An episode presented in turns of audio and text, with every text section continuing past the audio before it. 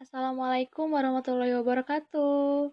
Bagaimana semua kabarnya? Semoga baik-baik saja, tetap sehat, dan tetap semangat ya. Selamat mendengarkan podcast learning kami, yaitu bersama saya, Fani Fadilah, dan tiga teman saya yaitu Tanya Libidadari, lalu ada Sofia Tunisa, dan yang terakhir ada Hari Akbar Herlambang.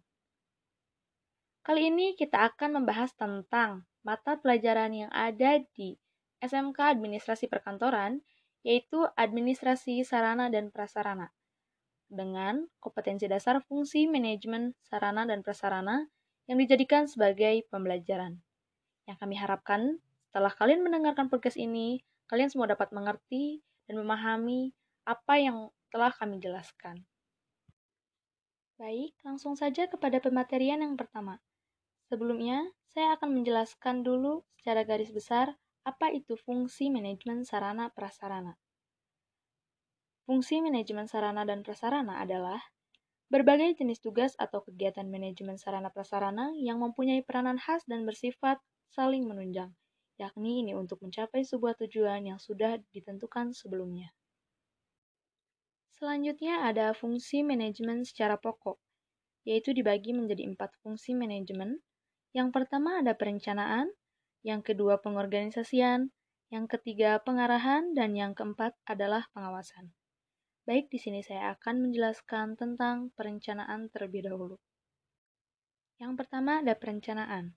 Fungsi pokok perencanaan yaitu mengandung makna melihat ke depan dan memilih suatu arah atau alternatif dalam melakukan tindakan-tindakan yang telah ditentukan sebelumnya. Ada dua macam rencana, yakni yang pertama ada rencana strategis dan yang kedua ada rencana operasional. Dalam suatu organisasi atau kantor, Perencanaan diarahkan untuk menetapkan visi, misi, tujuan, sasaran, strategi, kebijakan, prosedur, program, dan anggaran.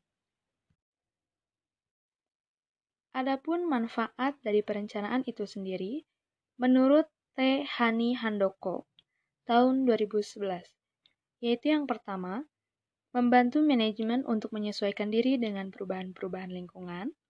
Yang kedua, membantu dalam kristalisasi penyesuaian pada masalah-masalah utama. Yang ketiga, memungkinkan manajer. Yang keempat, membantu penempatan tanggung jawab lebih tepat. Yang kelima, memberikan cara pemberian pemerintah untuk beroperasi. Yang keenam, memudahkan dalam melakukan koordinasi di antara berbagai bagian organisasi. Yang ketujuh, membuat tujuan lebih khusus, terperinci, dan lebih mudah untuk dipahami. Dan yang kedelapan, meminimalkan pekerjaan yang tidak pasti. Yang terakhir yaitu menghemat waktu, usaha, dan dana. Baik, sekian yang bisa saya sampaikan tentang perencanaan yaitu salah satu fungsi dari manajemen sarana dan prasarana. Fungsi selanjutnya akan dijelaskan oleh rekan saya. Sekian dari saya.